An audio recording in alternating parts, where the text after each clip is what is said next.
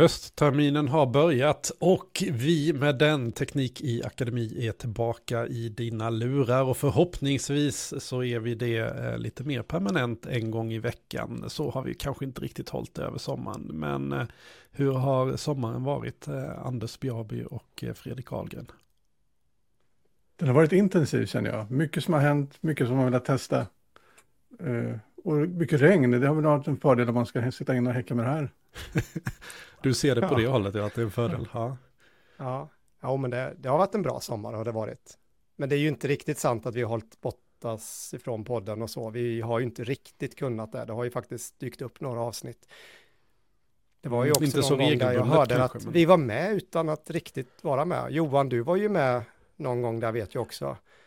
Ja men det var ju ganska spännande. Jag låg alltså ute i, eh, med scouterna på ett läger eh, mitt ute i skogen och jag gick och la mig i hängmattan där framåt 10-11 på kvällen och tar, tar upp eh, och så bara det är ett nytt poddavsnitt från Teknikakademi. Spännande. Ja, jag är med. så att det var, här var kul. Anders som lekt med lite magi där. Vi måste nästan testa det på svenska snart igen. Ja. I någon form. Just det, vi, har vi testat, för det är ju en av grejerna vi kanske kommer att prata om idag, att, att Eleven Labs släpptes på svenska för inte så länge sedan. Har ja, vi testat precis. någonting med? Du har ju gjort lite... Jag har gjort lite grejer, men inte med oss tre. Jag har inte testat den, men jag har ju våra röster så jag borde väl testa det. Ja, mm. ja det vore spännande att höra. Eh, jag tror inte vi är där ännu, att, att man inte hör skillnad, men eh, vad, vad tror ni? Alltså så här, nu, nu, vi, vi ger oss på gissningar hela tiden. Det är, det är alltid kul att försöka säga om framtiden. När kommer allt innehåll vara digitalt eller genererat och så vidare. När kommer vi att kunna göra den här podden och du passera någon form av uh, Turing-test för uh, liksom poddar? Att man vet inte om det är vi eller om det är genererat. Vad tror ni? Jag tror det är rätt nära. Eh, jag känner att ja. jag, jag, jag har haft de här en minuters samplingarna som som röstkloning. Men nu har jag ska prova en sån professionell kloning också tänkte jag. Man spelar in 30 minuter och skickar in hos jazztekniker som jobbar med den istället. Aha, det finns den möjligheten. Det kostar ja, lite mer antar jag. Men... Det ingår i mitt abonnemang en sån, så jag måste ju testa ja. det. Just det. Eh, Just det. Sen är det ju språkligt. Att få det låta lite mänskligt och lite eftertanke. Ja. Så jag har börjat labba lite grann med det. Men eh, det tror jag inte är sådär superlångt bort egentligen. Nej, för man, man, kan redan nu labba lite genom att ha lite punkt, punkt, punkt och lite sådana här grejer. Men du kan inte lägga till någonting. Eh, eh, eller du får göra felstavningar av ord och sådär i så fall för att uppnå någon Ja, Eleven liksom... Labs har faktiskt en intressant grej att om man skriver som en bok, till exempel han skrek och så en fas. Och då kommer han försöka skrika den. Då blir det en berättarröst och sen en skrikande röst. Men det är inte så himla bra om man vill generera en show. Som Nej. en podd till exempel. Ja, där, där, ser ja. vi kanske fortfarande det här då, vi, jag vet inte om vi har pratat om det i podden, men, men Storytel har väl ett eh, samarbete med Eleven Labs, eh, så att ja. för ljudböcker just, så då kanske det är en som prioriterad feature att få in att, att kunna läsa in ljudböcker på ett bra sätt kan man tänka sig. Exakt. Mm. Men det, det, måste ju bara vara en switch i, alltså en feature du kan sätta på och av, tänker Förmodligen. Finns uh, inte i API än som jag har sett, men det kanske kommer. Ja. Det är väl rimligt att det kommer. Har ni testat den förresten, eh, Storytels eh, AI-uppläsare? Dag ett. Ja, jag lyssnade också lite, men jag har inte, inte lyssnat på en hel bok, men jag, jag gillar det. Nej, inte en hel bok. Ja, men berätta mer, vad, när kom detta och vad är det? Eh, ja, ja när kom det? Det kom i somras någon gång. Ja. De släppte en bok först. Och, så du börjar lyssna på den och sen kan du swipa mellan olika uppläsare medan du lyssnar. Mm. Ja, och det är ju rätt trevligt. Eh, jag tycker det är en jättebra eh, grej faktiskt. Eh, mm. Jag vet ju, de, det är ju en del ljudböcker som man lyssnar på, och sen är det ju en avskyvärt dåliga uppläsare. Man kan bli jättebesviken. Eh, Verkligen. Och, det, och då är det ju väldigt bra, bara av den anledningen, att faktiskt kunna byta. Eh, så kan det vara. Och sen kan det ju vara att du gillar en uppläsare och då kan du få den uppläsaren på alla dina böcker. Mm, absolut, så länge det är AI. Så, ja, exakt. Um, ja, bra för mig också som gillar att lyssna på hög hastighet för att eh, eh, hastigheten beror ju också på uppläsaren. Vissa uppläsare funkar ju bättre beroende på hur de artikulerar och hur tydliga de är. Så att mm. kan man kan man säkert tänka sig att det kommer AI-röster speciellt som är optimerade anpassade för det. För det. Ja. Ja. Mm. Eh, och annars tycker jag ju problemet, jag har inte så problem med, alltså jag, jag kan köpa de flesta röster och sådär, men samma problem som vi nu ser med, med AI-genererad genererat ljud har man ju faktiskt med många uppläsare. Det vill säga att, att uppläsaren i sig kanske inte är insatt i de militärtekniska termer som, som behövs, eller de här alltså, datatekniska termer som det ofta är, utan läser dem på ett sätt som om man vet något om ämnet så, så märker man att nej, det där var fel. Man, man säger mm. inte Ingex, eh, Fredrik, man säger Nginx eller ja, vad det må, mm. må, vara nu då. Så att sådana saker eh, kan ju till och med bli bättre med en AI. Eh, förhoppningsvis. Jag kan tänka mig, nu vet jag inte hur det funkar bakom de här storyteller och liknande, utan jag tänker mig att författaren förmodligen betalar någonting för att få ett, sin ljudbok inläst, att det blir betydligt billigare att publicera en ljudbok också med ett AI mm. än med en mm. läsare. Det borde, jag skulle bli förvånad om, jag blir förvånad om det inte är så. Ja. Med tanke på vad API kostar, du kan nog generera en hel ljudbok med 5 eh, dollar. Jag Precis. gissar att en uppläsare tar mer än Rimligtvis. Ja. Så Å andra sidan så kan man ju se det som att det är ju en, en ny opportunity för de människorna som har en riktigt bra uppläsarröst. För då kan de ha en passiv inkomst utan att behöva arbeta själva genom att...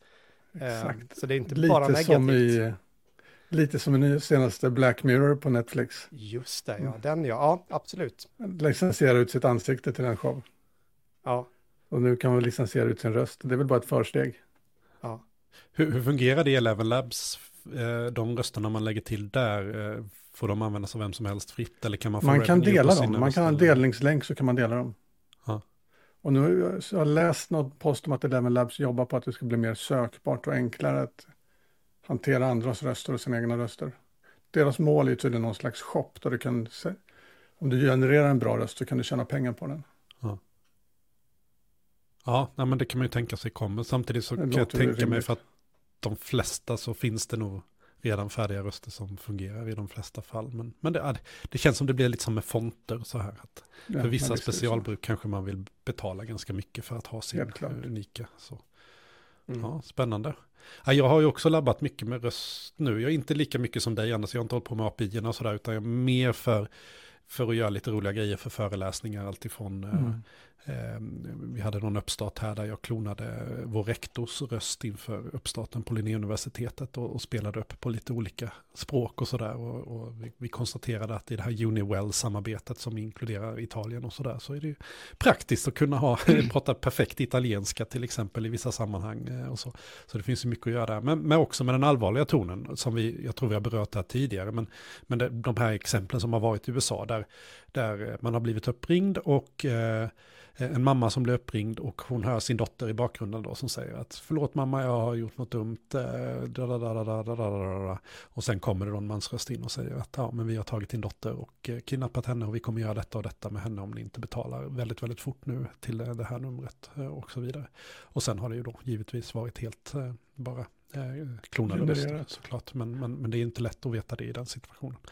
Så att um, det där kommer vi att se, jag tror vi har varnat om det tidigare, jag tror vi kommer att börja se det där i Sverige nu också, allt eftersom. Um, för det är fortfarande som så att i Eleven Labs, du kan ju ta och klona vilken röst du vill. Uh, det finns ju ingen, inget hinder för det väl, i alla fall med de här enklare klonings... Uh, nej, nej, jag har ju testat lite allt möjligt där. Ja. Precis. Ja, du gjorde ett ganska häftigt, var det med Eleven Labs, du gjorde det här demot med Steve Jobs och Gollum? Ja, just det, det stämmer. När jag pratade med dem via kloning av röster. Ja, precis. Ja, men det, det är ju ganska, eh, ganska så häftigt också.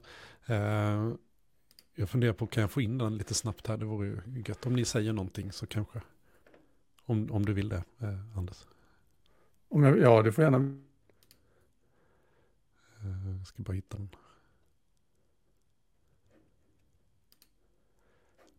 Men det byggde på att ni får, får underhålla under tiden här medan jag... Okej, okay, du håller på och letar alltså? Ja, men ja. här kommer den faktiskt. Så att ja. eh, vi ska se, jag hoppas att ljudet funkar. Nu försvann Anders däremot. Nu försvann Anders, ja. Let me talk to Steve Jobs. Sure, I'm here. What's on your mind? So what's the weather like today? Well, I'm sorry to disappoint, but I'm not really the guy to ask about the weather. My expertise lies in technology. Do you know this guy, Gollum? Gollum? As in the character from The Lord of the Rings? Yes, I'm familiar with him. Quite an intriguing character, wouldn't you say? Yes, let's talk to Gollum. Say hello, Gollum. Hello, precious. What does it want from us? Gollum, say hello to Steve Jobs. Steve Jobs, eh? Clever little hobbitses. They make smart devices. Precious, precious iPhones. Hello, Mr Jobs. Det är ju fantastiskt roligt att, att liksom också, liksom My Precious och få in det mot Apple. Alltså, ja, det är mycket så. Vad är det som händer här, Anders, egentligen? Ja, vad som händer egentligen är att jag spelar in ett ljud där jag pratar. Whisper tolkar det till text, skickar till, till, uh, open, uh, till ChatGPT egentligen. Uh, får tillbaka en prompt, försöker hitta den här personen på nätet, klonar rösten, genererar ett svar baserat på ChatGPT och ja, ger, skapar en ljudfil och läser upp den via Eleven Labs. Så mm. även röstkloningen är gjord on the fly så att säga? Jag hittade ett, ett, ett, sätt att göra det kan man säga, det är inte ett officiellt sätt. Nej, nej. Därav ett lite kort demo för jag vill inte bli utslängd. Nej, okej. Okay, ja. Men äh, jag tycker det är fruktansvärt. Och även om jag menar, det hade varit häftigt ändå och jag tänker på det här som vi pratade om ganska tidigt ibland de första avsnitten. Det var någon som tipsade oss om den här Steve Jobs när han pratade på, på, på Lunds universitet om att, att få prata med, med Aristoteles som student, mm. att kunna ställa frågor direkt till Aristoteles. Nu skulle man ju kunna klona någon liten röst med, med lite grekisk brytning eller någonting och sen skulle man, det kunna vara ens Aristoteles då. Då borde det Absolut. vara rätt så lätt gjort det här. Ja. Ja, ja det är häftigt. Eh, kul, kul Eh, demo. Jag har kört det på lite föreläsningar och visat upp också för att jag tycker det är ett rätt roligt, eh, roligt sätt vad man kan göra med de här teknikerna. Mm. Ja, det är lite märkligt faktiskt. Mm. Sen tycker jag, jag har sagt det förr, jag tycker det är fantastiskt kul att, att, sitta och lyssna på sig själv på olika språk. För att det är också så här, wow, vad coolt jag låter när jag pratar franska, italienska ja. och så här. Och nu funkar ju svenska då också som sagt, vilket är, är häftigt. Den tar svenska med amerikansk. Ja, man får, man får väl någon så här rikssvensk Stockholms tillsammans med amerikansk dialekt på något. Alltså det... det blir lite olika från gång till gång faktiskt känner jag. Mm. Jag håller ju på att labba rätt mycket med det här. Och nu var jag genererade för ett annat projekt en röst som helt plötsligt började garva mitt i. Den bara gick upp i falsett och började skratta. Det var väldigt märkligt för den gick inte i manus. Så det, det är lite svajigt här och där. Men det, det, och det är väl lite samma, alltså, vi är vana vid det när vi, och det är ju en av featurerna med ChatGPT, att när vi mm. genererar en, en, ny text så får vi en helt unik text och ibland går det lite galet. Och det är egentligen samma sak som händer här, att när vi mm. genererar en ny voice, ja men då, eller en, då får vi ett resultat det ibland. Slump i det. Mm. Ja, och jag har märkt att när jag gjorde rektorn till exempel så, så snavade han på ett ord och rättade sig själv. Och det, det minns, alltså bara what, vad hände där? liksom, alltså, det lät så naturligt att, att sa fel på ett ord och, och, sa om det igen. Liksom. Samtidigt som, som nästa ord som var skapandet blev skapandet. Eh, liksom. Eh, sådana saker händer ju också. Ja. Vad har Fredrik då? Jag har suttit och lekt med ljud, Anders har suttit och lekt med ljud. Vad har Fredrik suttit och lekt med? Ja, alltså nu, man fastnar ju i olika saker hela tiden. Det är ju typiskt. Men eh, när den tiden jag har fått över nu, i alla fall de sista dagarna här nu, så har det varit lite på agenter. Jag har trillat tillbaka in i, i det här. Jag är otroligt fascinerad. Att jag eh, kan liksom inte sluta tänka på det eh, lite grann så. Och vad var det här med eh, agenter då, om vi ska beskriva ja, det? Vi, vad, vad, jo, agenter är ju då när, egentligen var Knut du skulle vi kunna kalla ChatGPT för en agent då, en agent som pratar med en användare via ett webbinterface då, om man nu mm. vill. Men eh, tanken med agenter är väl då att du kan börja se att de här kan vara autonoma, att de på något sätt kan automatiseras, alltså att vi, vi sätter den här ChatGPT i en loop och får den att jobba med att lösa en uppgift eh, iterativt då. Eh, då, då kanske man kan börja kalla detta en agent då. Och särskilt också då när vi börjar bygga på verktyg, att vi istället för att ChatGPT kan svara på frågor om sånt den kan, så kan den också använda en, den har en verktygslåda med sig. Den kan googla och den kan räkna med eh, små Python-skript och så vidare och så då. Eh, det, det, är väl ett, någon sorts definition av vad vi kallar agenter då, när vi pratar om detta. Och vi har ju pratat om det innan. Vi pratade om eh, AutoGPT, Baby AGI eh, och så vidare. Detta var ju saker som våras, dök upp ja. i våras, mm. ganska länge sedan. Ja, det här har funnits länge. Och sen vet jag att innan det, under sommaren där så kom ju, jag vågar inte Meta säga datum, GPT, men Meta GPT ja. kom ju, ja precis, kom ju någon gång där under sommaren eller möjligtvis tidig sommar då. Det är ju egentligen en typ av AutoGPT-inspirerat projekt då, men mera kopplat till mjukvaruutveckling, att den, eh, den kan utveckla eh, mjukvara. Och om man tittar på AutoGPT och Baby AGI, då är ju lite det här att du har du en agent, alltså en som ska då vara den här AGI då, och sen kopplar man på många olika verktyg och sen itererar du. Så att du får en uppgift, den här äh, itererar, den använder ett långtidsminne, en databas, den kan googla, den kan göra många saker. Det andra approachen, alltså lite grann det som jag tycker är så otroligt fascinerande, det är när vi börjar koppla ihop flera, flera individer, personligheter. Vi skapar ett, en hel grupp med människor. Och det är det som jag tycker är, det är det här nu börjar hända någonting som är lite spännande då. Så att du kan ju säkert göra underverk Johan om du får all tid i världen och sätta dig på din kammare och hitta på saker. Du får tänka, du får tänka, du får tänka. Men ge dig tio år så kommer du kanske ändå inte hitta på lika mycket kreativa idéer som om du hade fått ett år och kunnat samarbeta med ett par andra människor. Eh, och detta tänker jag är den spännande grejen just när man börjar koppla ihop flera olika eh, språkmodeller i, i ett sammanhang. MetaGPT är det här exemplet, en lång historia då för detta, för konceptet. Men då har man försökt att replikera ett mjukvaruföretag. Så när du startar upp MetaGPT så startar du upp och säger att jag vill ha en applikation som gör detta. En av de typiska, vad ska man säga, Hello World-applikationerna för de här typen av applikationer är ju Build a Snake Game. Det ser man på nästan alla de här projekten. Eh, och klarar den av att bygga ett Snake Game så då är det liksom rätt okej okay då. Men det, det som händer då är att istället för att den här ger en kod så har du gett den här idén till ett utvecklingsteam som inte bara består av utvecklare utan också består av en projektledare. Det består av någon som eh, eh kan dela ut uppgifter till utvecklare. Det består av någon som kan skriva user stories och är duktig på det. Det blir kanske också någon som är duktig på eh, ett user interface. Eh, du har också en vd och kanske en HR-person. Och det intressanta här är att processen börjar med att det börjar rekrytera personer till projektet. Det blir, ja det, det här är helt, det är underbart, men det är så här, ja men om vi ska bygga ett Snake Game, ja men då behöver vi kanske ett team här, vi behöver nog ha några stycken som bygger mjukvara, vi behöver nog ha någon som testar och så vidare och så vidare då. Och då rekryterar den in det. Det är ju rätt trevligt att det är obegränsat med arbetskraft och dessutom eh, kostar inte det så mycket heller. Och sen så bygger den projektet iterativt och där det händer över olika saker.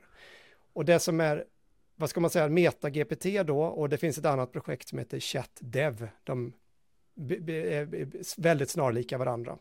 Eh, ChatDev, den tror jag rekryterar, MetaGPT måste du förkonfigurera, eh, men ChatDev den rekryterar faktiskt upp efter projekt eh, så då. Men här är vi någonting väldigt, väldigt spännande på, på spåren då. Och det som jag håller på nu och utforska, så nu finns det lite ramverk för det här. Det går ju att replikera några av de här projekten och, och få det att göra någonting annat än att bygga mjukvara förstås då. Men jag har en liten idé där och det är liksom eh, hur lite komplexitet, alltså med minsta möjliga komplexiteten i kod kan vi bygga någonting som är väldigt, väldigt intelligent och komplext. Det jag, det jag är ute efter här är att inte bygga databaser, inte bygga några verktyg. Vi kan lägga på det sen, men vi börjar med någonting väldigt simpelt och kanske också en simpel modell. Jag tänker 3.5. Men att vi gör tio stycken av den som gemensamt jobbar mot ett mål. Där, där du har det, det är egentligen en synkroniserad tid, för det är den jag jobbar lite med nu då, ett, ett minne som är så pass enkelt att den kan kondensera och jag kallar detta drömmar nu då. Jag har i det konceptet jag bygger här nu så tänker jag att det, jag antropofierar de här agenterna så mycket som möjligt så att när minnet börjar bli lite fullt, alltså den kontexten den har då, då ska den släcka ner sig eh, och, och, gå in i ett sleep state i en cykel. Eh, och då drömmer den och när den drömmer så organiserar den om sitt minne och kondenserar det för att sen vakna upp med liksom lite nya idéer. Och under drömfasen så tänker jag att då inte bara kondenserar den minnet, men då kan den också justera ett visst mått av sin personlighet. Eh, och personligheten och minnet är egentligen nu då i detta fallet, i min nuvarande prototyp, eh, två stycken markdown-filer, alltså textfiler. Återigen för simpelheten. För jag vill kunna se in i hjärnan på de här agenterna. Eh, och tanken här är då att då, då har man skapat något sorts general purpose team då.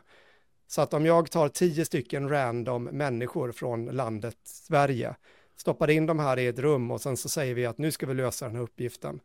Eh, ja, det, det, blir antagligen bättre med de här tio människorna som samarbetar än om de hade gjort någonting för var för sig. Och kanske tio stycken ganska medelmåttiga personer gör ett bättre jobb än en expert. Jag vill nog tro det. Eh, och där är jag, och, och det, är, det är så, ofantligt spännande. spännande. Ja. Mm. Um, vi får se lite, jag har någonting som rullar nu, jag bygger, uh, det, det, krävs en del tid för att få just den här minneshanteringen att fungera. Rent logiskt är det inga konstigheter att bygga den, men däremot få promptningen att vara effektiv för drömfasen. För den måste fungera varje gång där och, uh, och det får heller inte vara för mycket kod. Så det, det, liksom, hela grejen här är ju att vi bygger någonting som ska fungera med relativt lite kod. Och en annan idé, och det här nu går vi in på filosofi, men det här tycker jag är så är spännande så jag nästan på att det reser sig. Jag läser ju, jag läser ju boken eh, Virtuella världar nu av David Chalmers samtidigt också, så det kan ju vara en viss inspiration som kommer från det. Men det man gör här nu, det är ju att man bygger en, man bygger en virtuell verklighet, man bygger ju en simulering egentligen då där vi skapar personligheter på agenterna och, och slänger in det då. Och jag tänker att du skulle kunna gå in som användare här nu och säga att ja, men jag är nedstigen härifrån eh, eran skapare. Eh, ni, ni kan ju, ni skulle ju kunna, här är ett manifest som jag lämnar till er. Eh, eller ni får plocka upp det här. Sen bara se, vad händer? Kommer de skapa en religion? Kommer de börja be och jag kan då sitta där och se det, för jag är den enda som har makten att ändra i programkoden. Alltså i väven i deras verklighet. Ja, nu är jag sjukt ute i det. Men det jag tänker att de här grejerna är ju, det är lite som att man, man kan leka och bygga en värld. Ja, nu ska man nog inte dra det till den spetsen, men visst är det spännande. Ja. Kul, eller hur? Ja, jag, jag tycker jag, jag blir sjukt sugen på... Ja, verkligen. Alltså, det, det finns du ska kunna göra någonting annat nu. Nej. Anders kommer ja. gå igång direkt här. Ja, det är, det är ju inte långsökt att tänka att man bygger, man bygger en, en väldigt enkel eh, fysisk miljö till dem. Alltså det går ju att bygga en matris där de kan befinna sig i olika mm. delar. Och befinner de sig i samma del som en annan så kan de också kommunicera med varandra. Och att de kan också se vad som är i en matrisbott. Alltså på något sätt det. Och, och nu ännu längre här nu, och det här är ju då, tänk om två stycken agenter, eh, om varje agent har ett ändligt liv. Alltså de, de lever ett visst antal cykler. Och att två agenter, nu behöver vi inte tänka kön här då, men två agenter kan reproducera sig. Och då blir det en, en, klon, en, en, en klon en mix av dem med en randomness. Mm. Så det skapas som en, en, mm. en, en och, och, och det också det. Och sen att du kanske har ett, något sorts högre mål då, så att de kan då få mer life goals, mer förmåner i, i det här genom att, låt oss säga då, tänka ut några, alltså du kanske blir belönad för att du är lite mer intelligent än dina peers. Eh, på något sätt, då lever du lite längre. Du, lyckas du vara den som är lite duktigare i den här eh, gruppen av agenter, så lever du lite längre. Du får en liten för, och sen är det någonstans där så är det inskrivet då i den genetiska koden då att det faktiskt är, är, är ja, det är att man vill det då liksom. Um, ja, Det sjuka är att det Yes. skulle vara fullt möjligt att bygga det här. Otroligt Ja, alltså, jag, jag skulle precis säga det när, när, när jag sitter och lyssnar. Alltså, det är i princip som att man har byggt det här. Det, det låter ju science fiction, det låter fruktansvärt liksom avancerat på något sätt. Eller, och var säkert det för, tio, för ett år sedan. Men nu känns det som att ja, men det är bara att sätta sig upp. Fullt Alltså, görbart. Ja, ja, ja. Ja, Det är ju visst. bara att göra. Det är ju sjukt spännande. Ja. Och, och bara studera det där och se vad som händer. Alltså, shit. Man skulle ju bara sitta och köra generation efter generation för att bara se. Det är ju så, som Game of Life på På en steroider. helt ny nivå. Ja. Ja, Ja. ja. Men det är klart, det är en dyr, eh, dyrare att köra, köra detta än Game of Life då. Däremot går Ja. det ju att tänka sig att man kan snurra igång det här med en, en open source-modell om man har en egen dator med GPU och eh, ja, helt enkelt kör så i den Mm. hastigheten det går då. Men ja, eh, men- där, men, ja, eh, mm. här tycker jag är spännande då, som ni kanske hör då. Det, det är, eh, spännande. Det, blir, det blir ju en Mm. cliffhanger Vi till nästa måste- vecka här och se hur Vi långt måste ju nästan bryta podden här och sätta igång koden känner jag. ja, precis. Ja, jag kan dela med det projektet som jag har gjort så far eh, där så får ni en Mm. liten go Men det är, det är inte, alltså, den grundläggande logiken är ganska enkel. Jag började Mm. bygga det mycket mer komplext i början och sen har jag egentligen börjat om och försökt skala av för att jag har, just nu jag bygger det i Python förstås då, men nu har jag en klass för agenten och sen försöker jag få så mycket som möjligt och inte någonting onödigt att vara i den här klassen för att jag ska bara kunna starta fler och sen en markdown-fil i en undervapp liksom. Inte någon databas och ingen, alltså det ska vara komplexiteten ska vara Mm. så lite som möjligt. Just för att du ska kunna titta in och förstå precis vad som händer i den här koden. Så mainfilen är, vi, vi pratar om eh, 20 rader eller någonting där du liksom har programlogiken då. Och det är ju en while true loop. Alltså, eh, Och, Du jag menar, på att introducera koden också, att den kan skriva om sig själv. ja, det är ju, precis, det vore ju spännande. Men det, men det, det är jag, jag är ute efter, det som jag ska göra nu kommer det vara en synkron eh, agent i loop. Mm. Och den nästa grej är ju det, och det kommer jag göra. Ja, synkron så såklart. fort- Ja, synkron. Och det är ju det här att du skulle kunna ha att någon, ehm, det är ju ändå det, alltså även om du har det asynkront, då vill jag ändå ha en, eh, jag vill ha en time tick. Jag vill på något sätt, precis som vi har våran tid, som är likadan för alla oss då, så Mm. måste vi på något sätt kunna synkronisera den här tidsinformationen då mellan, och det behöver inte vara tid, de facto tid, utan det kan bara vara, jag vet inte vad, CPU-cykler, eller du kan bara ha, jag kör bara med en it- iteration nu liksom, men den behöver finnas där. Men just att kunna göra saker asynkront. För det coola med den asynkrona grejen är att då skulle du kunna ha ett team där du har en agent som, ja men nu jag går iväg och jobbar med det här. Och sen så lägger den hundra cykler utan att interagera med de andra. Alltså den, den går iväg och tänker på sin grej, gör sin grej. Och det är också lite roligt att se om du har ett team som funkar. Alltså så här, men nu har vi det. Vad händer om vi stoppar in en ny? Hur kommer den personen säger hur kommer den agenten bli mottagen? Eller kommer det inte, eller blir det inte, det kanske bara är, vi kanske inte kan bygga de här grejerna som vi vill, jag vet inte. Jag känner också att direkt vill man ha en, en virtuell server någonstans, en molnad server med ett mötesrum där man kan Mm. gå iväg en stund och där möter man från andra team som andra sätter upp. Så kan de mötas just upp och interagera, Ja. byta idéer.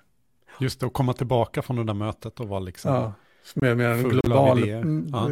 globalt fikarum liksom. Ja, Det är ju inte Ja, så dumt. en Slack-kanal bara bort ju, så att, eh, Ja, det är sant. Men jag tänker också, alltså vi pratar mycket skola och har pratat mycket skola här och tänk, tänk dig vilket häftigt läromedel att, att liksom ha den här eh, agentmiljön och sen som elev sitta och testa. Ja, vad, händer om, vad händer i den här situationen? Om, om, alltså, oj, vad man skulle kunna lära sig mycket om mycket bara på att liksom experimentera med de här modellerna. Mm. Ja. Och det är väl det som jag tror är ganska viktigt om man ser till skolan egentligen. Att nu är ju inte jag inom skolbranschen här, men man, man ser ju väldigt mycket negativa tankar fortfarande kring AI. Att, framförallt den amerikanska kanalen, de är så väldigt mycket de ska bromsa och stoppa. Och, men måste, eleverna måste ju på något sätt ändå förberedas, för det här är ingenting som kommer försvinna. Det kommer ju bara bli mer, det kommer bli mer komplext och mer avancerat och integrerat i allting. Och så säger man att nej, mina elever ska inte kunna det här. Det är Ja. jättekonstigt. Och ehm, då Det kan vi antar jag att vi väl... får återkomma till. Ja, nej men och är ni intresserade av, av de bitarna så jag kan ju absolut rekommendera vår Discord som ni hittar länkar till här då eh, under eh, AI-utbildning. Och eh, det, det är ju så många kloka hjärnor där inne som postar fantastiska tips och länkar hela tiden och eh, har tankar kring saker och ting. Så är ni intresserade av det här in och diskutera där. Eh, det kan jag verkligen rekommendera. Spännande Fredrik, vi får kanske äh, återkomma till, äh, till dina agenter. Äh, vi får se. Ja. Mm. Jag genererade, jag tänkte om vi ville höra på lite svenska då, på min egen röstklon, vi pratade om den nyss, då. jag gjorde mm. den här ja. i, jag bad, jag bad nu, nu, faktum är att den ligger integrerad, Eleven Labs i den här Typing Mind, vilket är lite trevligt. Så att det mm. går faktiskt att få den direkt här.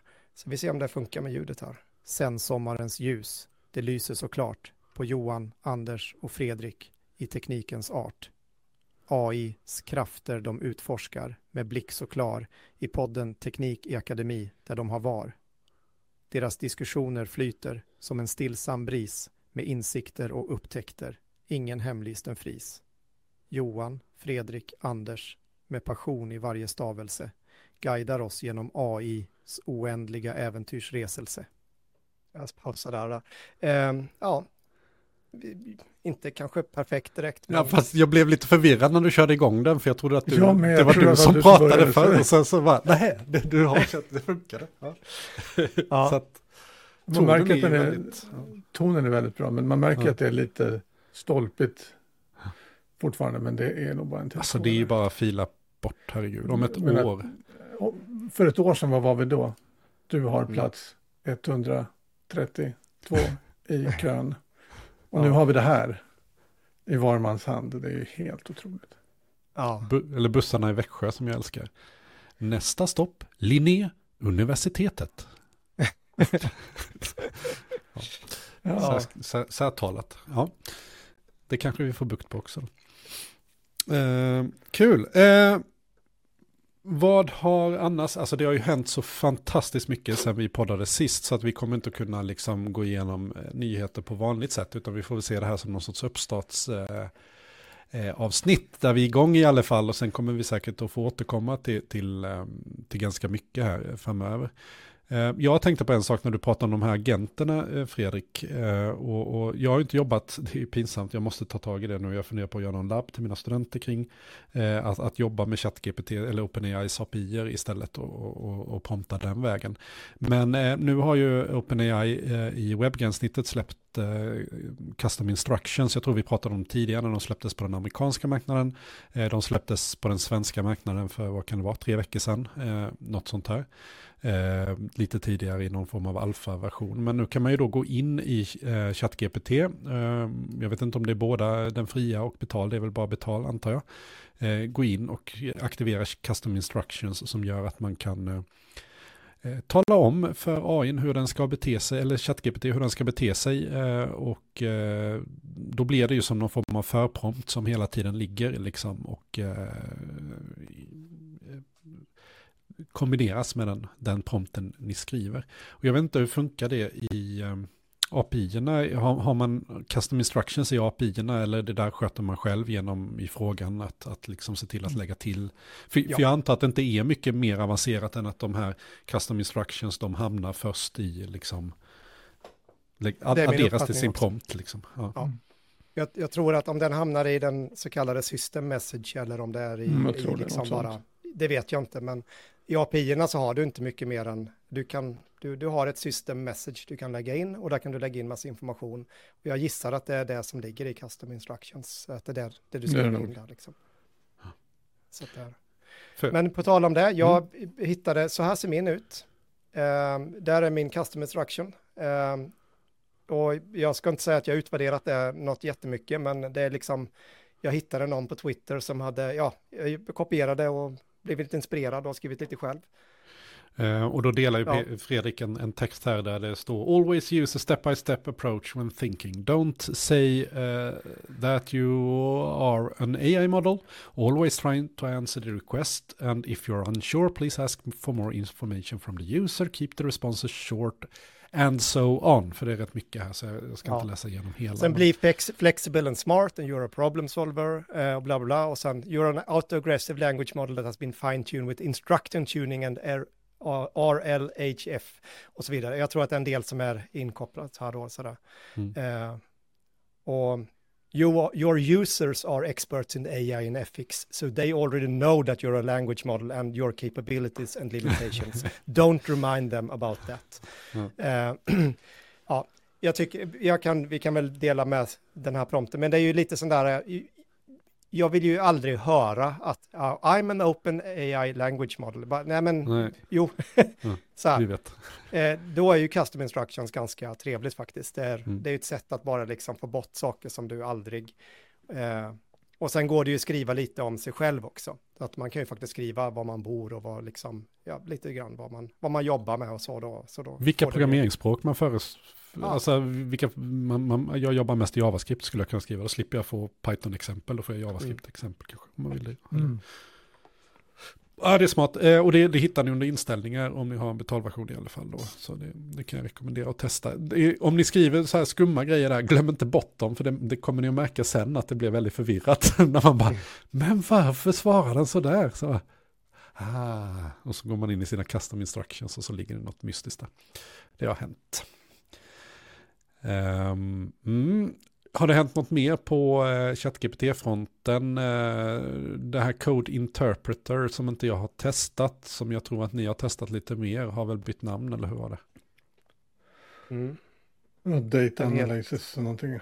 Ja. Advanced Data Analysis eh, heter den nu. Det var väl, jag tror det var någon som skrev på Twitter där, eller X heter det nu, eh, om att oh, nu har det kommit en ny superavancerad funktion och sånt då. Men det är väl med absolut största sannolikhet så har de bytt namn på Code Interpreter till Advanced Data Analysis. Och det kan ju egentligen vara ett ganska bra namnbyte. Eh, för det är ju mer eller mindre vad, vad den är bra på. Du kan ju, den, men den, den är samtidigt är ju Code Interpreter också ett bra namn eftersom den kör ju kod. Den kör ju Python-kod. ja. Så eh, den är jättebra. Jag vill säga att ni kan ju ladda upp en fil. Alltså den stora, vi skulle kunna göra ett eget avsnitt bara om den. Ja, eller åtminstone vi skulle kunna fokusera mer på den om man säger så i ett avsnitt. Mm. Men den är, det är ju väldigt, väldigt kraftfullt att kunna utforska alla typer av data. Och jag tror att långt tidigare när vi plugins eh, släpptes så tror jag vi gjorde väl det här med pingviner och eh, pingvindatasättet med Notable eller vad hette den där? Just det. Mm. Eh, det var i stora drag så kan du göra det nu fast det kanske blir lite snabbare, lite bättre i den här eh, advanced data analysis då. Lite osäker på om det egentligen blir det, för det beror lite på vad, hur mycket Notable utvecklat sitt, men där, hur Mm. den är så är den, den är bra. Och den kan iterera, det är också en sån grej som är rätt, som är rätt trevlig. Att den gör någonting, om den gör lite fel så tänker den ju vidare och fortsätter. Så att det är inte, ja, använd den. Mm. Den laddar inte upp några personuppgifter. Nej, precis. Och, eh, men men eh, använder du, är det ChatGPT du använder Fredrik? Ja. Mest? Eh, Eller i vad- både, ja, jag använder många grejer. Ja, Men nu är det ju, ja, du är ute efter Det någonting. finns Jo, lite alternativ, det var en segway. Jag där. tänkte säga att Claude eh, är någonting jag har börjat använda mer och mer och mer och väldigt mycket på senaste tid. Claude är väldigt dålig på att programmera, min uppfattning. Den är inte så, den är mycket med. sämre än GPT-4. Ja. Mm. Men den kan ju, den är duktig på att skriva, tycker jag. Jag tycker den gör ett Mm. väldigt bra jobb. Eh, Absolut. jag har svårt att bedöma om den skulle vara bättre eller sämre än GPT-4, men den är absolut i klass, liksom vad jag kan bedöma. Men den stora grejen är det att den stora grejen är att den har ett stort kontext då. Det är hundratusen tokens och det är sån otrolig frihet att kunna jobba med stora, stora eh, mängder med, eh, med text på en gång. Verkligen. Det är jättesynd att den är så usel på kod bara. när man Mm. jobbar med det. Det har varit kul. Men det Så- betyder så att den- du, kan ta, du kan ta stora, du kan ta flera textfiler, kasta in dem, det skulle kunna vara forskningsrapporter eller någonting, kasta in dem i Mm. Claude och sen be den sammanfatta eller skriva, den, Mm. skriva om det och sådär. Mm. Det är därför vi behöver många tokens, för att vi ska kunna ta mycket indata då. Mm. Hur många Ehm. typ vanliga forskningspapers? Ja, men du kan, fem stycken pdf är den begränsad till 10 Mm. megabyte storlek vardera.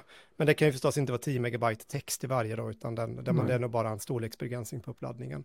Men annars är det ju då eh, fem stycken filer man kan ladda upp åt gången. Mm. Eh, och eh, eh, det är ju 100 000 tokens då, så det är väl, ja, vad vill säga, 75 000 ord ungefär då. Eh, och ja, jag vet inte vad en kortare bok kanske det kan vara. Mm. Jag tror att en normal lång bok på ett par hundra sidor är nog lite mer faktiskt. Men jag tror att om du har en lite kortare bok på en cirka 200 sidor skulle det nog kunna vara en, eh, eh, kan du nog putta upp det i minnet bara. Mm. Och det är bra. Och det är ju eh, väldigt, väldigt, väldigt bra, eh, skulle jag säga. Det är ett jättebra verktyg. Jag, jag såg precis nu, nu har ju Claude varit liksom helt gratis. Jag har ju varit förvånad över att den liksom bara släppt den där. Men nu stod det faktiskt, för jag sammanfattade en artikel precis innan här. Nu står det free messages remaining until 7 pm och get notified about paid plans. Står det längst ner på min.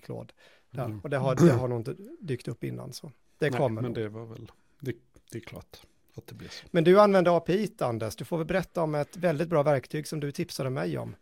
Ja, just det. Eh, Claude har ju inget, de har väl ett API egentligen, de inget man kommer åt särskilt lätt. Jag har ansökt om det, men det får inte dit, kommer inte åt det. Men då hittade jag Open Router som har eh, någon slags deal med Claude och med OpenAI. Så man kan använda Claude 2 via API och även GPT-432-KS-modellen kan man ju använda. Det är som är lite spännande. Eh, jag vet inte hur kostnaderna ställer sig i jämförelse med om man går direkt mot dem, men att man bara har tillgång till dem är helt fantastiskt. Mm. Nej, men om man tittar på eh, Open Router och kollar på OpenAIs kostnader så är det ju samma kostnader som jag förstår ja. det på deras. Ja, jag, har, de, jag, har, jag har inte brytt mig om att titta riktigt, jag är bara glad att nej. jag kan använda det. Och Claude 2 är ju inte så dyr där, den kostar ju 0,0 1C där och jämför du med, med Open eh, AI GPT-4, inte den stora, då tar de 0,03. Så Claude 100K-modellen är en tredjedel av kostnaden mot eh, GPT-4. Det är väldigt, väldigt enkelt att, att interagera med OpenRouter också, för de använder ju samma paket som OpenAI. Man bara anger en annan router. Mm. Uh, och i uh, uh, i, där har du ju också på Open Router så har man ju också en, en hiskelig massa andra eh, open source-modeller. Eh, och de har dessutom någon, det har inte jag testat, men någon funktion där, du kan låta den välja den bästa modellen efter din query, om jag förstod rätt. Oh, det har jag missat, det är fantastiskt spännande. Ja, jag har inte heller det, men alltså du, och sen har du någon sån där fallback, så du kan, om någon modell inte skulle vara tillgänglig så kan du ha en fallback och sånt, och så om du bygger en applikation på det här. Så jag gillar, det här är ju en cool grej liksom, det är Mm, nog en bra verkligen. affärsidé för dem tror jag. De, de behöver inte ha många, de behöver bara ha någon liten procent på, eh, på den och de kommer nog göra bra Varje då. token där, ja. Mm. Ja. Ehm. yes. Mm. Mm. Ja, smart. Eh, ja, vad har vi mer spenderat vår tid med? Du och jag Fredrik, vi har ju varit ute på lite eh, läroverk, höll jag på att säga, men ute i kommunerna och pratat med eh, lärare. Eh, Mm. Och eh, jag tror vi tog upp det här, jo men det var ju det här avsnittet vi släppte från Alvesta när du var och pratade mm, tillsammans med, och nu får du rädda mig på namnet här, för det har inte satt sig i mitt eh, varken kort eller långtidsminne. MNS. ehm, Ja, tack. Eh, men det finns ju ett helt avsnitt kring, kring det. ja. Och, ehm, ja, det har väl varit mycket föreläsande rent allmänt känner jag. Och nu eh, är det ju som så att mitt, min huvudsakliga sysselsättning är ju att ta hand om mina studenter som som kom här förra veckan. Så jag har 130 glada webbprogrammerarstudenter som är igång med sina första uppgifter nu. Och jag har Mm. stått och pratat generativ AI med dem idag också för att liksom peppa dem i eh, hur, vilken, alltså tänk er själva, Anders och Fredrik, se vad ni säger här, men tänk dig själv att vara student nu. Student årskurs 1, lära dig programmering just precis nu med alla de här verktygen, all den här hjälpen som finns och sen alla de möjligheter som det öppnar upp att kunna programmera mot de här API-erna eh, som finns. Alltså, shit. Verkligen. Vilka fantastiska möjligheter. Ja. Mm. Ja, jag, Ja, det är jag, jag, är nästan avundsjuk. Det är nästan så jag vill börja. Jag vill... Men jag säger upp mig och börjar plugga en gång till nu för nu jäklar kan man Ja. göra grejer här. Ja, Ja, Man kan det är ju grejer. också jättekul att jobba med det vi gör. Ja, Alltså, ja, det, så är det. så är det. det vi är ju en Det- väldigt kul miljö så sätt. ja. Eh, så är det. Där, vi, eh, eh, ja, det här med tankar om barns AI, vi får nog återkomma igen om detta, för Mm. jag tror att vi nog inte riktigt har bottnat in i den där eh, skolbiten och det är möjligt att vi skulle antingen ta in Emma Näs igen då, eller Mm. att vi också skulle ta in en, någon lärare som har, har det här perspektivet liksom, för att jag tror att vi... eh, Eller en elev. eller en elev, det vore ännu bättre. Mm. Ehm, ja, precis. Ehm, Ja. det, det, det är väl som så, Fredrik, vi har ju ett, eh, vi kommer inte lämna skolan helt här, för vi har ett event på gång väl den, eh, det är nästa vecka, eh, torsdag den 14, så det borde ni kunna signa upp på nu. Eh, det är ju Kodcentrum och Linnéuniversitetet, eh, där vi har seminariet 2 då, och Skolverket också kanske, på något sätt där vi ska prata om de här bitarna. Det var välbesökt med två, över 2000 deltagare sist, så eh, eh, signa upp på det där. Eh, det finns länk i show notes här hur ni hittar dit. Där kommer Mm. vi inte att börja prata om ChatGPT och sådär, utan där tar vi nästa steg i tanken då. Och ja, nej men det kan vi väl också, Fredrik, vi ska ju upp, eller vi kanske inte åker upp till Stockholm, men vi Mm. eh, ska ju vara med och det skulle vi kunna ta in lite tips från alla som lyssnar också. Vi ska ju, det kommer ut en, eh, det, här, det är väl inget som är hemligt, nej det tror jag inte. Eh, en eh, AI och svenskarna, en sån här, eh, det finns ju internet och svenskarna, en undersökning som görs varje år. Just Och det. kommer också en AI och svenskarna, eh, som jag tror kommer vara väldigt, väldigt het i år. Eh, och eh, vi ska sitta med där och designa lite frågor till den där enkäten. Så har ni så här, frågor ni vill ha svar på, så ja, men posta dem till oss då, så ska vi försöka liksom se vad vi kan lobba in i den där. Ja. Och vi kan ju säkert uppdatera mer, för vi har ett uppstartsmöte nästa vecka då i Stockholm. Visst var det så? Jag har glömt bort Mm, datumet, mm. men så var det. Eh, och då kan vi ju posta det i vår Discord-kanal, liksom lite utfallet ifrån det här mötet och sånt då. Men det är ju verkligen så att vi har ju en möjlighet att faktiskt eh, vara med och eh, designa detta. Mm. Det är kul. Så där är ju vi med i år eh, då. Lite grann på grund av podden tror jag, att vi blev eh, indragna där.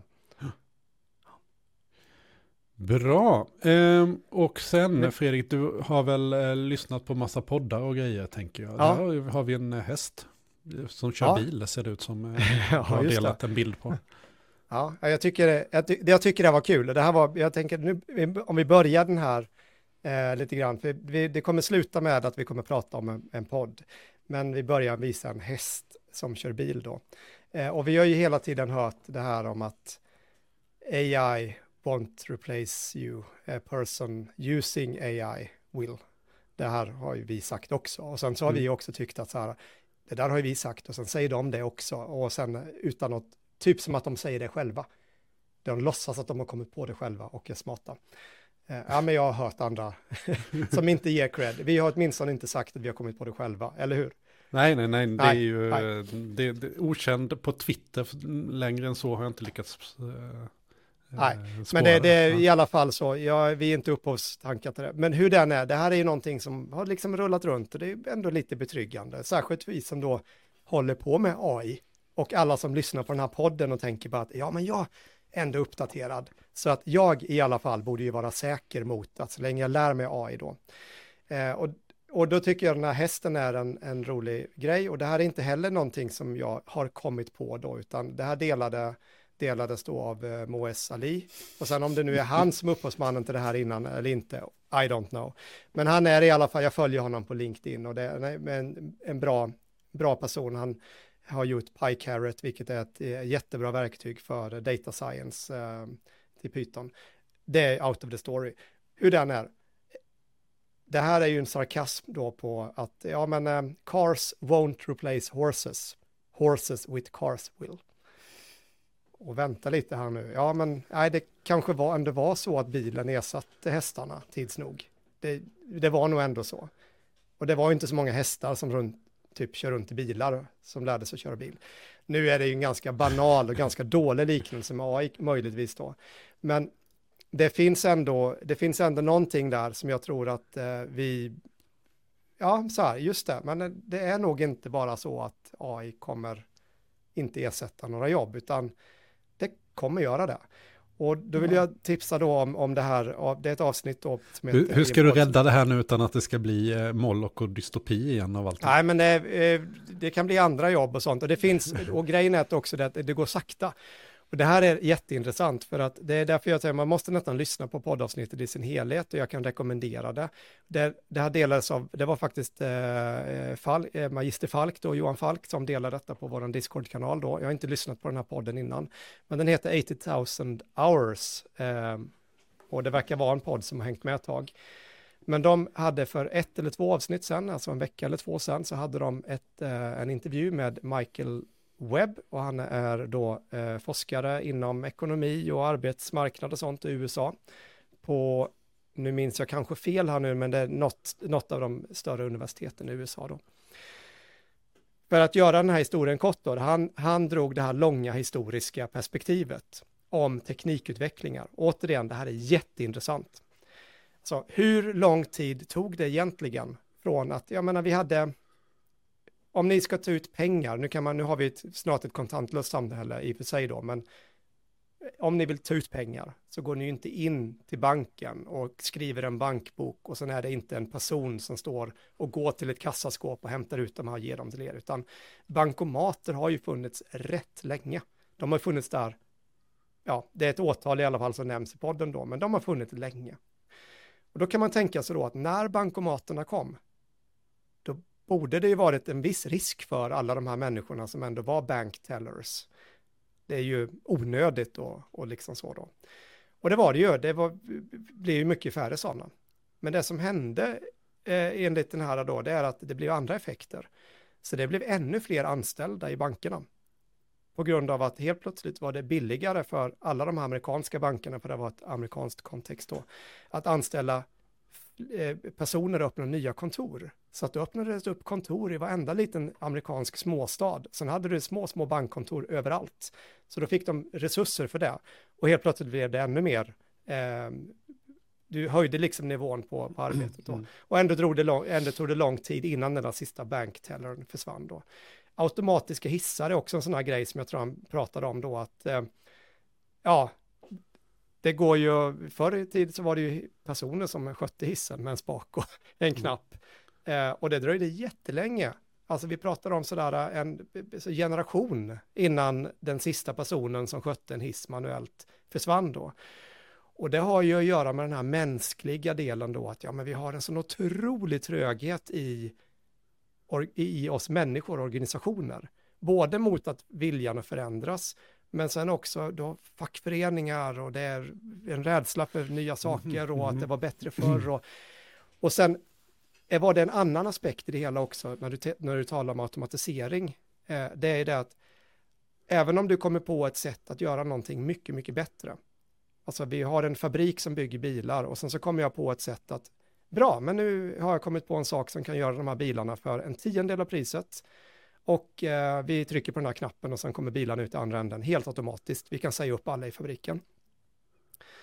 Den här prylen kommer antagligen kosta lite att köpa som gör de här bilarna och du har ju redan investerat i den anläggning som redan nu fungerar. Och innan du kommer köpa den här nya prylen som automatiserar och tar bort folk så kommer du vilja ha avkastning och så. Du har inte råd att liksom köpa den. Så det är också en tröghet i det ekonomiska systemet som gör att du liksom alla typer av automatiseringarna kräver då en, en en ny investering då innan du, och sen vill du ta hem den gamla.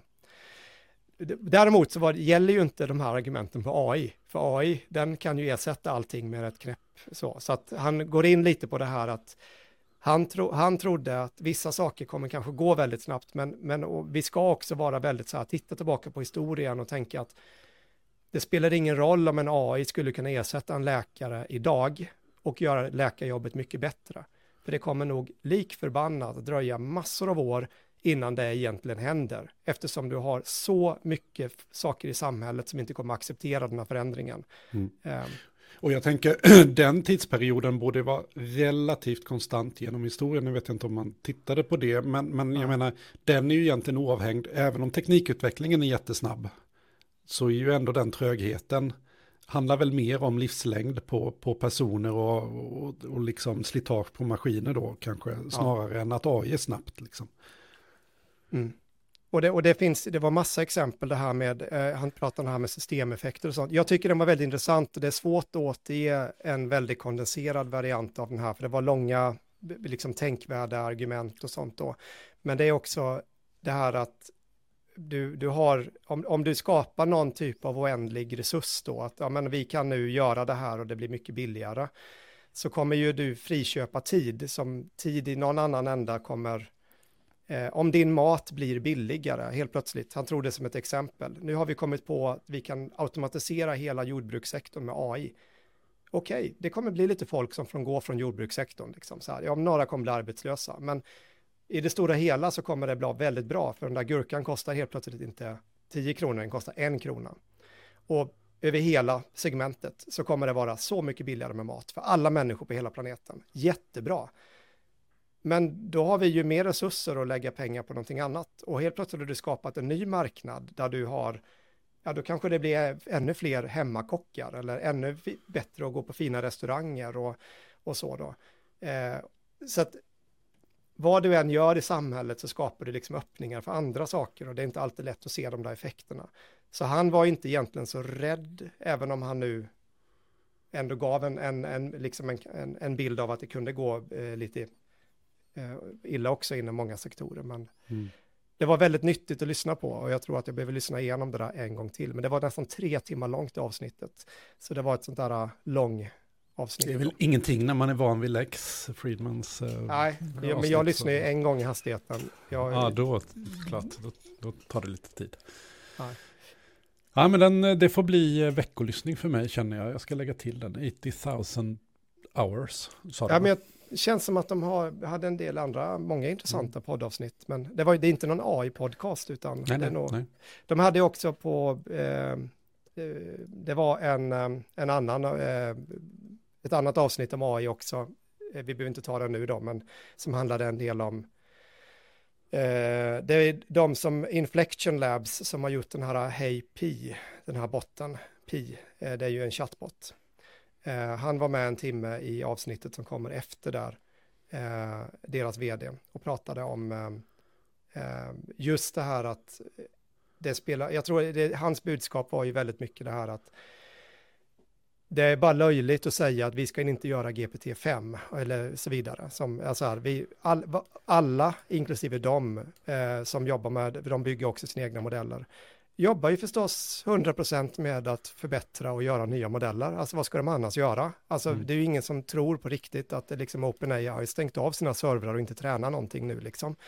Eh, och när då Sam Altman säger att vi ska inte göra GPT-5, ja det, han kan mycket väl ha rätt, för de kanske kallar den inte GPT-5, de kallar den GPT. alltså det, det, är så löjligt. Ja. Så det han mm. menar på är att det, det, det måste vara en öppen bok med det enda som betyder någonting är träningsresurser. Alltså att om du har en öppen bok på att ja, men så här mycket teraflops har vi och, och alla ska redovisa det. Det är mm. det enda rimliga sättet att, eh, att kunna mäta liksom utvecklingen eh, framåt då. Eh, för att det är klart att du använder dem. Alltså, inte köper du mm. eh, massa GPUer och sen så är det, Låter dem stå av och dem. Eh, skriva av sig själva. Nej. Nej.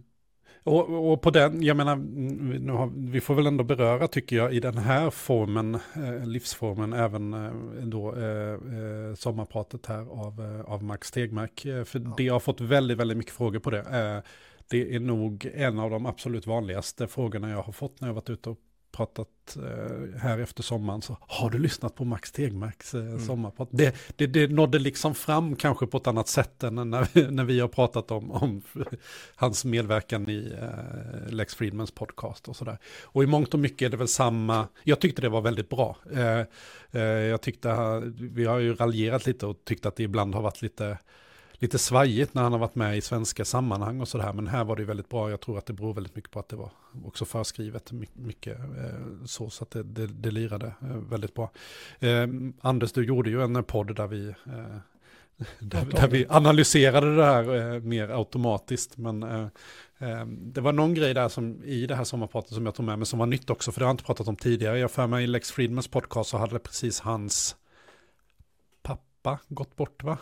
Mm, jag vet att det var, de pratade lite om det, men nu tolkade det som att hans mamma också hade gått bort. Eh, så han, han pratade en hel del om, om sin son där som, som inte är så gammal. Och eh, han, han, sa ju det här att, att, att eh, han, han, var helt förskräckt över att hans son antagligen intellektuellt aldrig kommer liksom att kunna vara på samma nivå som AI. För att AI kommer hela tiden nu att, att springa mm. före då. Det, det är ju en ganska Spännande tanke, vad innebär det? Vi har ju ändå haft lyxen av att, att på något sätt kunna anse oss vara mer intellektuellt eh, kapabla eh, än, än, äh, än maskinerna i, i någon del av våra liv. Men, men så kanske det inte kommer att vara senare. Och, och, och vad innebär det? Med självbild och så vidare. Så äh, jag, jag tyckte det var spännande. Man hamnade ner lite i det här Moloch-träsket igen. Jag har pratat med många som jag märker är där nere just nu och liksom brottas med alla de här tankarna som vi gick igenom i våras. Ehm, ja, jag vet inte, har ni något att kommentera kring hans sommarprat? Nej. Nej, egentligen inte. Vi har det kanske är... sagt det mest. Det var ett tag sedan jag ja. lyssnade på det också känner jag. Mm. Mm. Ja, vi gjorde ju den där AI-reflektionen på det. Ja, vi gjorde det, men jag känner också att jag tror att vi har ju gått igenom Moloch Moloch-tänket och fasen tidigare. Så jag tror att den rinner av oss ganska fort om man jämför med den som hör det för första gången. Mm. För det är lite omvälvande tanke att börja tänka i Moloch-banorna. Ja. Precis. Mm. Men jag tycker det var ett bra sommarprat ändå. Alltså jag tycker att... Mm, det var det. det Absolut. Där. Formatet passade honom väldigt bra när han själv fick berätta utan att mm. det ska göras något kort och korkade mm. avbrott och sådär. Mm. Ja. Precis. Ja, vi gör ju vad vi kan för att få med Max eh, som gäst i podden, men det har vi inte lyckats mm, med. Sådär. Testa lite olika kanaler. Ja. Precis. Um, Ja, ni, en timme har vi hållit på. Det är väl, kan jag tycka, lagom för ett första avsnitt så här efter sommaren. Jag tror det är bra. Jag ska komma in i mina rutiner och här ser man väl då ett exempel på den här trögheten. För givetvis så borde ju jag nu när jag har suttit och gjort det här 30, vad är vi, åtta gånger eller någonting. Borde jag ju ha automatiserat hela flödet med, med allt till, från liksom show till publicering, insamling av show notes, länkar publicering. Allting borde vara helt automatiserat såklart. Men den där trögheten du pratar om, eh, Fredrik, är ju som så att varje avsnitt jag gör så går det ju faktiskt snabbare att jag faktiskt bara sätter mig och manuellt klipper, klistrar, lägger upp det här där det ska vara istället mm. för att ta mig tiden och lägga fem gånger så lång tid på att automatisera de där processerna. Men jag vet ju också att jag får ju igen det där om jag automatiserar det. Men man har ju aldrig den tiden just nu. Utan den har man ju sen. Det finns ett AI för det där tror jag. Ja, kanske. Mm. Eh, gör nog det. Ha kul att eh, återigen få sitta här och diskutera med er. Jag hoppas att vi kommer, eller vi, målet är väl att vi ska göra det regelbundet eh, nu. Om det ja. blir exakt måndag och eftermiddagar precis alltid, det får vi väl se. Det finns lite undervisning och annat som ibland krockar, men vi ska göra så gott vi kan i alla fall. Eh, och eh, som vanligt jättekul om, om ni gillar det här, sprid ordet, tipsa andra, gå in eh, och eh, ge en tumme upp i valfri poddspelare. Det hjälper jättemycket. Prenumerera på oss på, på Spotify eller vad ni eh, väljer att, att eh, prenumerera. Och gå också in i eh, AI-utbildning, Discorden, där eftersnack finns och mycket annat finns. Med det önskar vi er alla en eh, fantastiskt härlig vecka så ses vi och syns framöver. Hej på er! Hej då.